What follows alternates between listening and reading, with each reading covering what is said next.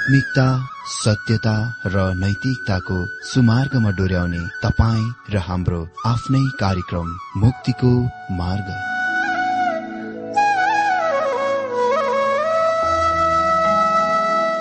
आदरणीय श्रोता यस मुक्तिको मार्ग कार्यक्रममा हार्दिक स्वागत छ। आशा छ यस आत्मिक कार्यक्रमद्वारा जीवनमा आत्मिक आशिष अलौकिक शान्ति र आनन्द प्राप्त गर्नुहुनेछ। र जीवनमा धन्य अनुभव गर्नुहुनेछ। आउनुहोस् श्रोता। मन र आत्माको तयारीको लागि यो मिठो अनि मधुर भजन गीत सुनौ।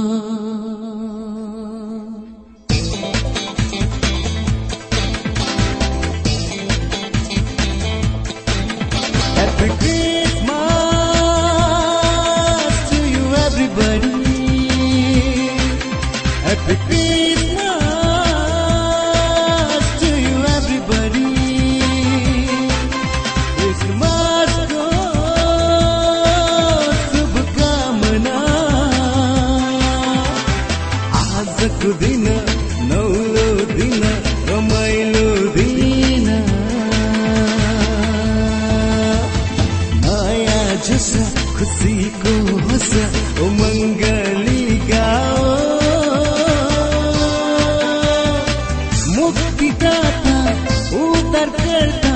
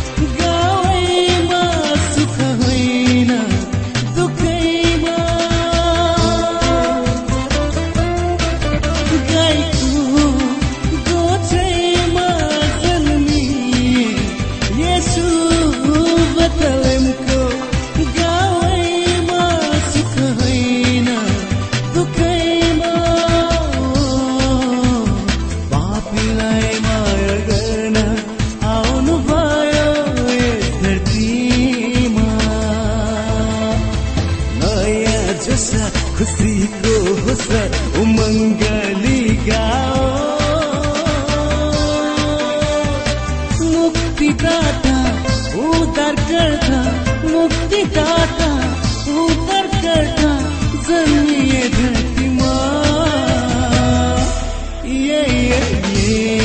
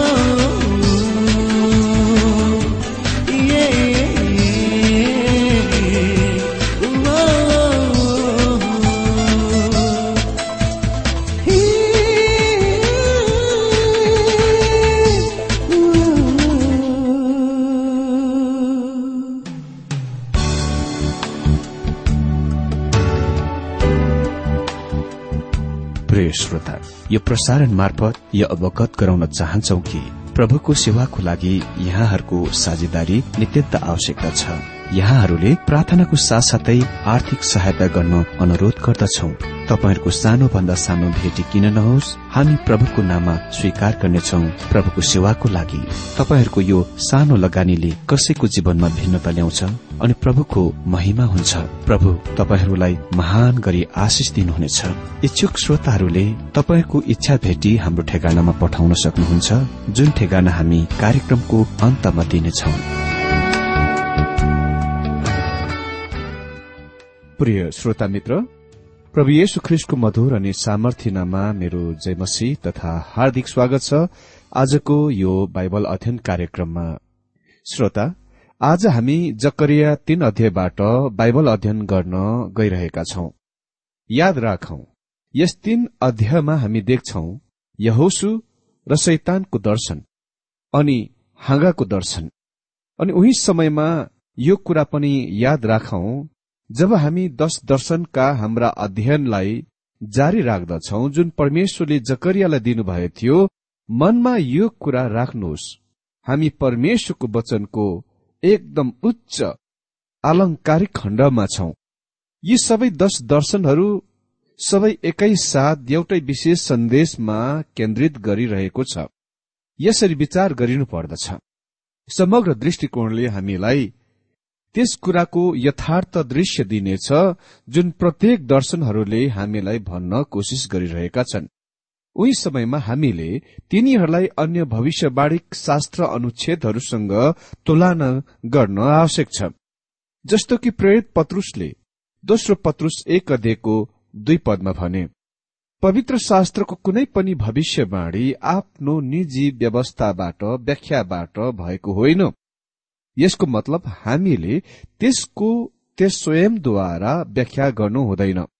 तर यसलाई समग्र दृष्टिकोण पाउन भविष्यवाणीको सम्पूर्ण कार्यक्रमसँग तुलना गर्नु पर्दछ जुन भूत अनन्ततादेखि भावी अनन्ततासम्म पुग्दछ।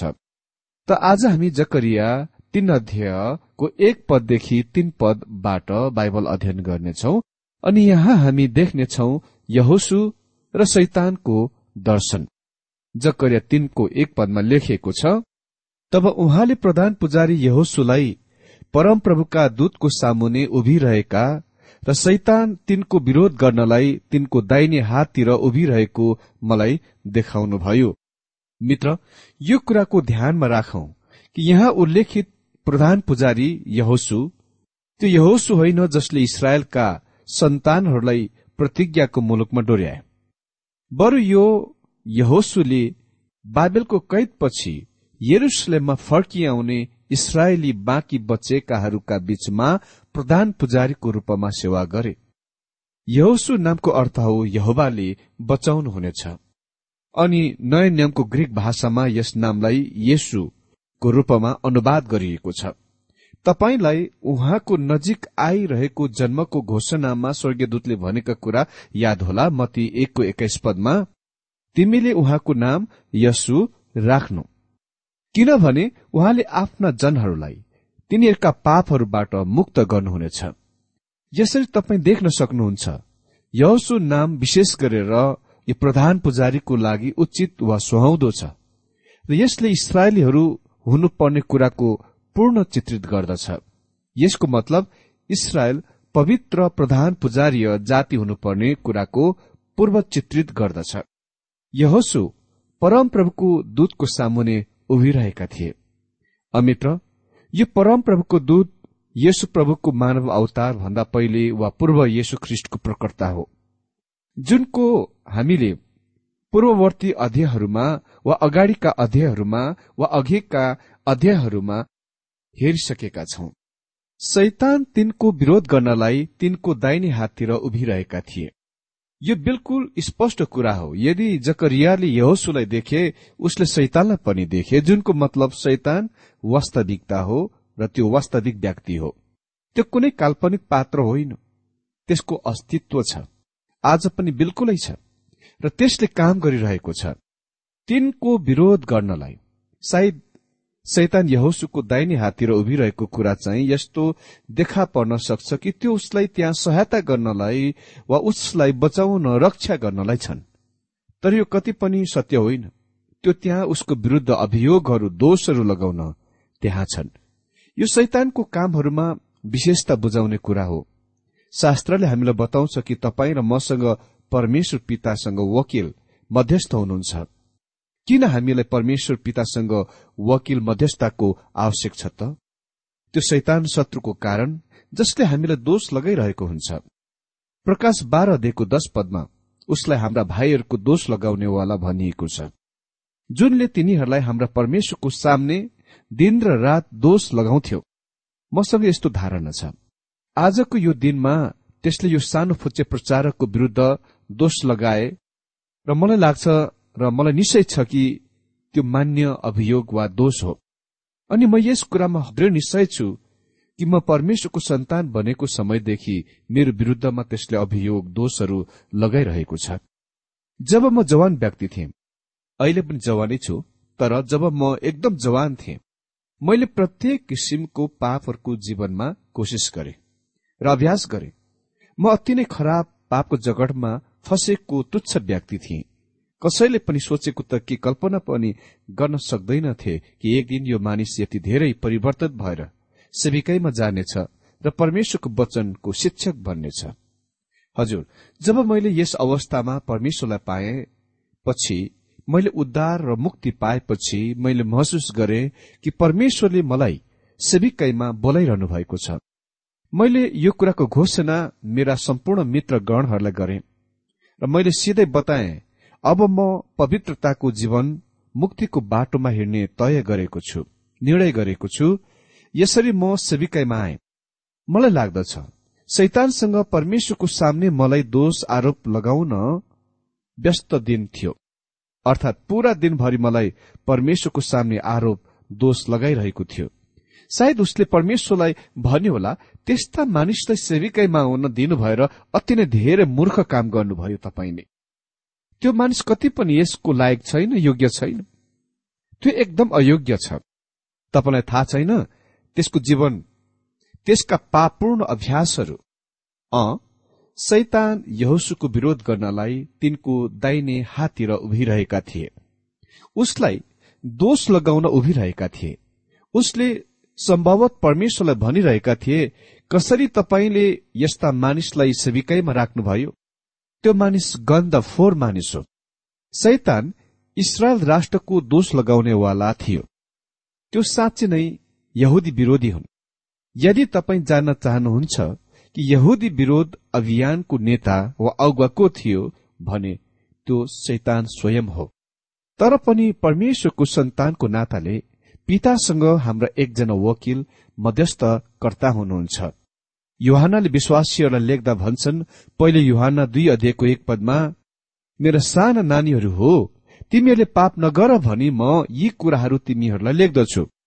अनि कसैले पाप गर्यो भने पिताको साथमा हाम्रो एकजना वकिल हुनुहुन्छ अर्थात् धर्मी येशु ख्रिस्ट अनि येशु ख्रिस्ट परमप्रभुको दूत हुनुहुन्छ जसको सामुने यहोसु प्रधान पुजारी जकरियाको यो दर्शनमा उभिरहेका छन्। भनिएको छ तब उहाँले प्रधान पुजारी यहोसुलाई परमप्रभुका दूतको सामुने उभिरहेका र सैतान तिनको विरोध गर्नलाई तिनको दाहिने हाततिर उभिरहेका मलाई देखाउनुभयो।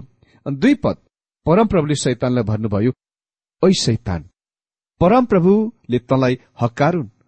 यरुसलेमलाई चुन्नुहुने परमप्रभुले तँलाई हकारुन्। के यो मानिस आगोबाट निकालेको अगुल्ठो होइन र? ए सैतान परमप्रभुले तँलाई हकारुन्। अ यो मेरो मानदण्डहरू अनुसार यो अति नै धेरै मन्द हप्काई हो। म चाहिँ त्योभन्दा कठोर खालको हप्काई दिने थिएँ। तर परमेश्वरले यसलाई आदर गर्नुहुन्छ जसलाई उहाँले सृष्टि गर्नुभएको थियो। यो कुराको याद राख्नुहोस्। यसैया चौधको बाह्र पद अनुसार परमेश्वरले उसलाई अर्थात प्रभातको पुत्र लुसिफरलाई सृष्टि गर्नुभयो।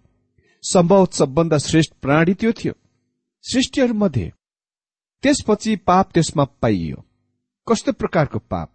शारीरिक अभिलाषा वा चोरी? अह घमण्ड। घमण्ड उसमा पाइयो। उसँग स्वतन्त्र इच्छा थियो र उसले त्यस इच्छालाई परमेश्वरको इच्छाको विरूद्ध लगाए स्थापित गरे। मेरो मित्र त्यो पाप हो। यसैया त्रिपन्न अध्ययको छ पद अनुसार हामी सबै भेडा झै बरालिएका छौं। हामी हरेक आफ्नै बाटोतिर लागेका छौं। विशेष खालका पापहरू जस्तै हत्या चोरी झुट बोलाइ व्याविचार यी सबै आफ्नै बाटोको शीर्षक मुनि आउँछ। यो नै मानव जातिको समस्या हो। भनिएको छ यरुसलेमलाई चुन्नुहुने परमप्रभुले तलाई हकारुन्। यसले यो प्रकट गर्दछ कि हप्काई वा हप्काई खाली यहोसु व्यक्तिको सम्बन्धमा मात्र आउँदैन तर त्यस राष्ट्रको राजधानी यरुसलेमको सम्बन्धमा पनि हप्काई आउँदछ के यो मानिस आगोबाट निकालिएको अगुल्ठो होइन र? यो यस्तो देखिन्दथ्यो मानौ यरुसलेम कहिले पनि यसलाई नबुकनेश्वरले ध्वस्त गरेपछि वा त्यसको पुननिर्माण हुन सक्दैनथ्यो अनि त्यो खरानी र विध्वंसहरूमा सत्तरी वर्षसम्म पस्रेर रहेको अवस्था थियो। त्यसपछि त्यस विध्वंसहरूबाट सहरको निर्माण गरिएको छ आगोबाट निकालेको अगुल्ठो अ जन वेस्लीले आफै स्वयंलाई बलिरहेको आगोबाट निकालेको अगुल्ठो भन्दथे म यो विचार मान्ने व्यक्ति हुँ कि आज हामी धेरैजना त्यस तरिकामा हाम्रो आफ्नै बारेमा सोच्दछौ। जब म पछाडितिरको मेरो जीवन हेर्दछु मेरो उद्धार वा मैले उद्धार पाएको कुरा संयोग जस्तै देखिन्दछ। यो कति पनि देखाइ पर्दैनथ्यो कि कुनै दिन मेरो जीवनमा यस्तो कुरा घट्नेछ। तर त्यो मेरो जीवनमा घट्यो। मेरो जीवनमा भयो। र अहिले म जान्दछु त्यो कति पनि संयोग थिएन। यो कुनै पनि पापीको बारेमा भन्न सकिन्दछ जो ख्रिस्ट कहाँ आउँदछ। उनी आगोबाट निकालेको अगुल्ठो हो। यो प्रधान पुजारी यौसुको दर्शन वास्तवमा उनी स्वयं भन्दा पनि पर जान्छ। हामी थाहा पाउनेछौ कि यो दर्शनले हामीलाई अति नै कठिन प्रश्नको उत्तर दिनेछ। यो समस्या हो। हामीले अहिलेसम्म सिकेका छौं कि परमेश्वर इसरायल राष्ट्रलाई त्यस मुलुकमा फर्काइ ल्याउन गइरहनु भएको छ र उहाँ तिनीहरूका बीचमा बस्नुहुनेछ। तिनीहरू पूर्ण रूपमा उहाँका मानिसहरूका रूपमा पुनस्थापन हुनेछन्। त्यो अहिलेसम्म भएको छैन। उहाँले त्यस मुलुकमा आशिष दिनुहुनेछ। परमेश्वर कसरी त्यो गर्न सक्नुहुन्छ जब मानिसहरू उहाँबाट टाढा छन्? जकरियाको दिनमा तिनीहरू परमेश्वरबाट टाढा थिए। र पापमा बसिरहेका थिए। आज उही कुरा सत्य छ।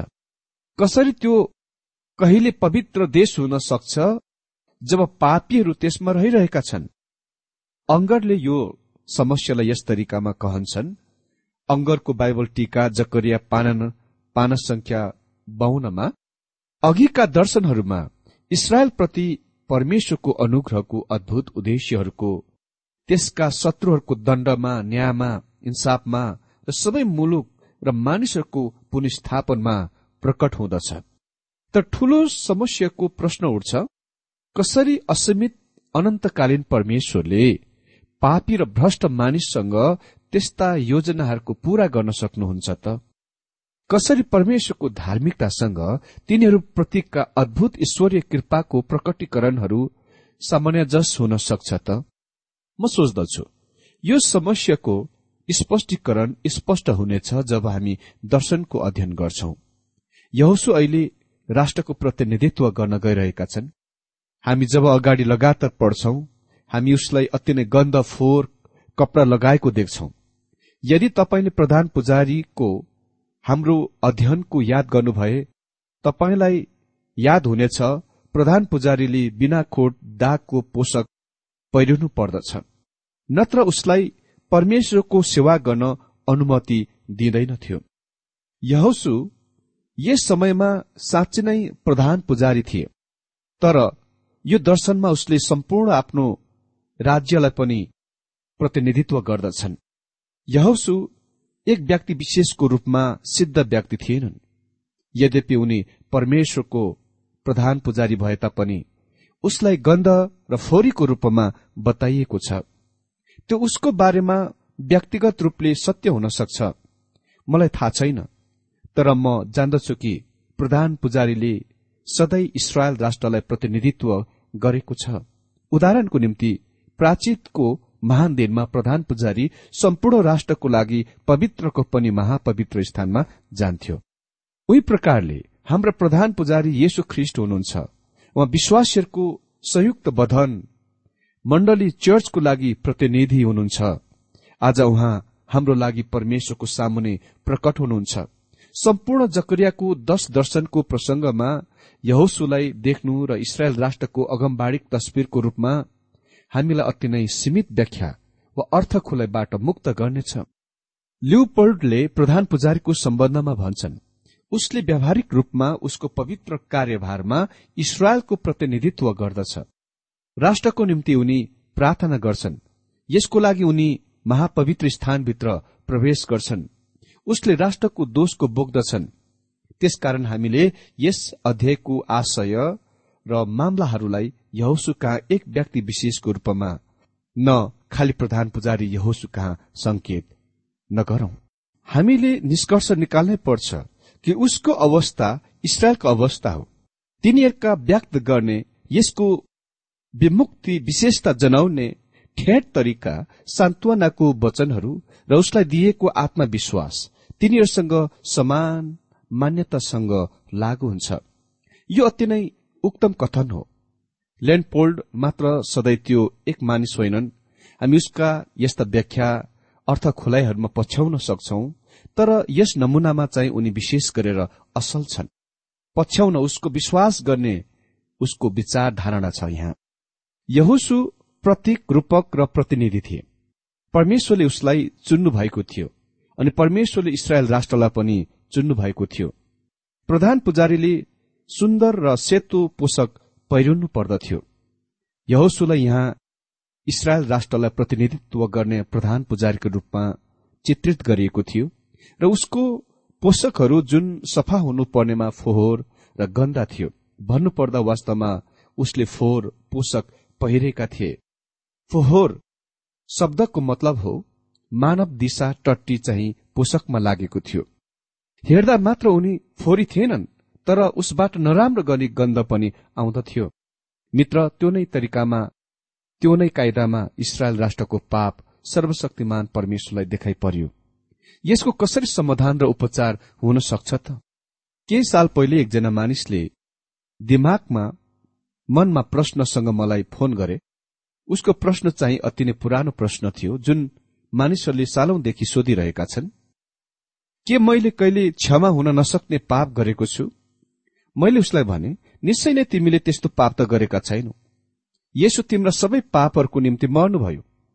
चाहे तिमी जस्तो सुकै हौ चाहे तिमीले जस्तो सुकै महान पाप किन नगरेका हौ तिमी यसै बखत बिल्कुल अहिले नै आफ्ना पापहरूको स्वीकार गर्दै र यसु क्रिस्टलाई आफ्नो उद्धारकर्ताको रूपमा ग्रहण गर्दै उहाँका आउन सक्छौ। यदि तिमी त्यो गर्दछौ र वास्तवमा तिमी त्यो गर्छौ भने उहाँले तिमीलाई क्षमा दिनुहुनेछ। रोमी दश अध्ययको चार पदले भन्छ किनभने विश्वास गर्ने हरेक जनको लागि धार्मिकताको निम्ति ख्रिस चाहिँ व्यवस्थाको अन्त हुनुहुन्छ। त्यसकारण यसले कुनै फरक बनाउँदैन कि तपाईँले के पाप गर्नुभएको छ? कति ठूलो पाप गर्नुभएको छ? तपाईँ परमेश्वर कहाँ येशु ख्रिस्टद्वारा आउन सक्नुहुन्छ? मित्र आज हामीले जकरिया तीन अध्यय एकदेखि तीन पदबाट यहोसु र शैतानको दर्शनको बारेमा देख्यौं। अर्को दिनमा हामी यस विषयलाई अन्त गर्नेछौ। परमेश्वरले तपाईँ सबैलाई यो बाइबल अध्ययनद्वारा धेरै धेरै आशिष दिनुभएको होस्।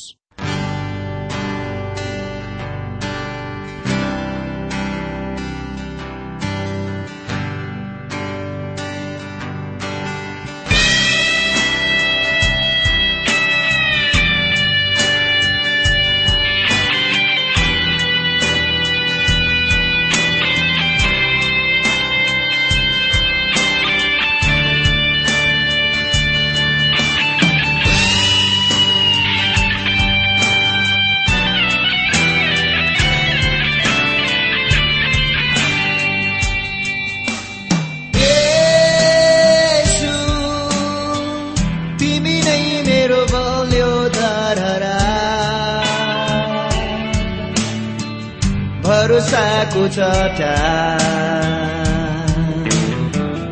मेरो लुब्ने ठाउँ। भरोसाको चटा। मेरो लुक्ने ठाउँ।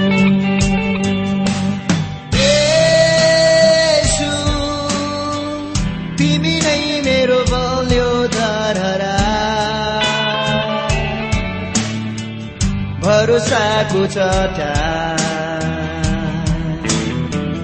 मेरो लुक्ने ठाउँ। भरोसाको चटा मेरो लुक्ने ठाउँ। तिम्रो आराधना गर्छु। मेरो प्राण रहेसम्म। तिम्रो स्तुति म गाउँछु। यो सासले भ्याएसम्म तिम्रो आराधना गर्छु मेरो प्राण रहेसम्म तिम्रो स्तुति म गाउँछु। यो सासले भ्याएसम्म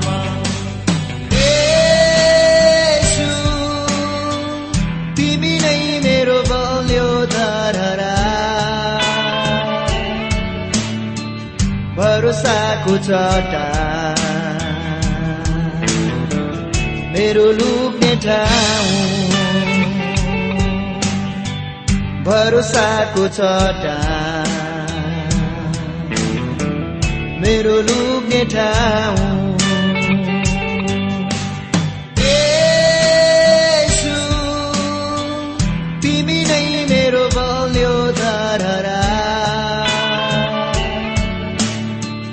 भरोसाको चटा मेरो लुक्ने ठाउँ। भरोसाको चटा मेरो लुक्ने ठाउँ।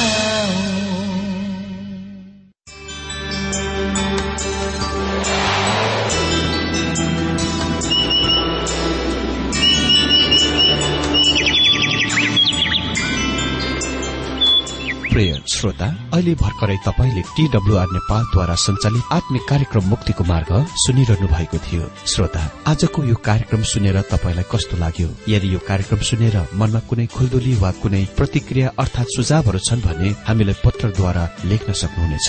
हामी हृदयदेखि नै स्वागत गर्नेछौ स्वीकार गर्नेछौ साथै बाइबल सम्बन्धी प्रचारहरू कार्यक्रम सारणीहरू हामी अनुरोधमा पठाउन सक्छौ। अनि तपाईँसँग कुनै प्रार्थनाको विषय छन् भने हामीले तपाईँको लागि प्रार्थना गरेको चाहनुहुन्छ भने प्रभुमा आफ्नै परिवार सम्झेर हामीलाई पत्रमा लेख्न सक्नुहुनेछ। तपाईँको लागि हामी प्रभु येशुसँग प्रार्थना गर्नेछौ। अधिक जानकारी र पत्रचारको लागि हाम्रो ठेगाना यस प्रकार छ।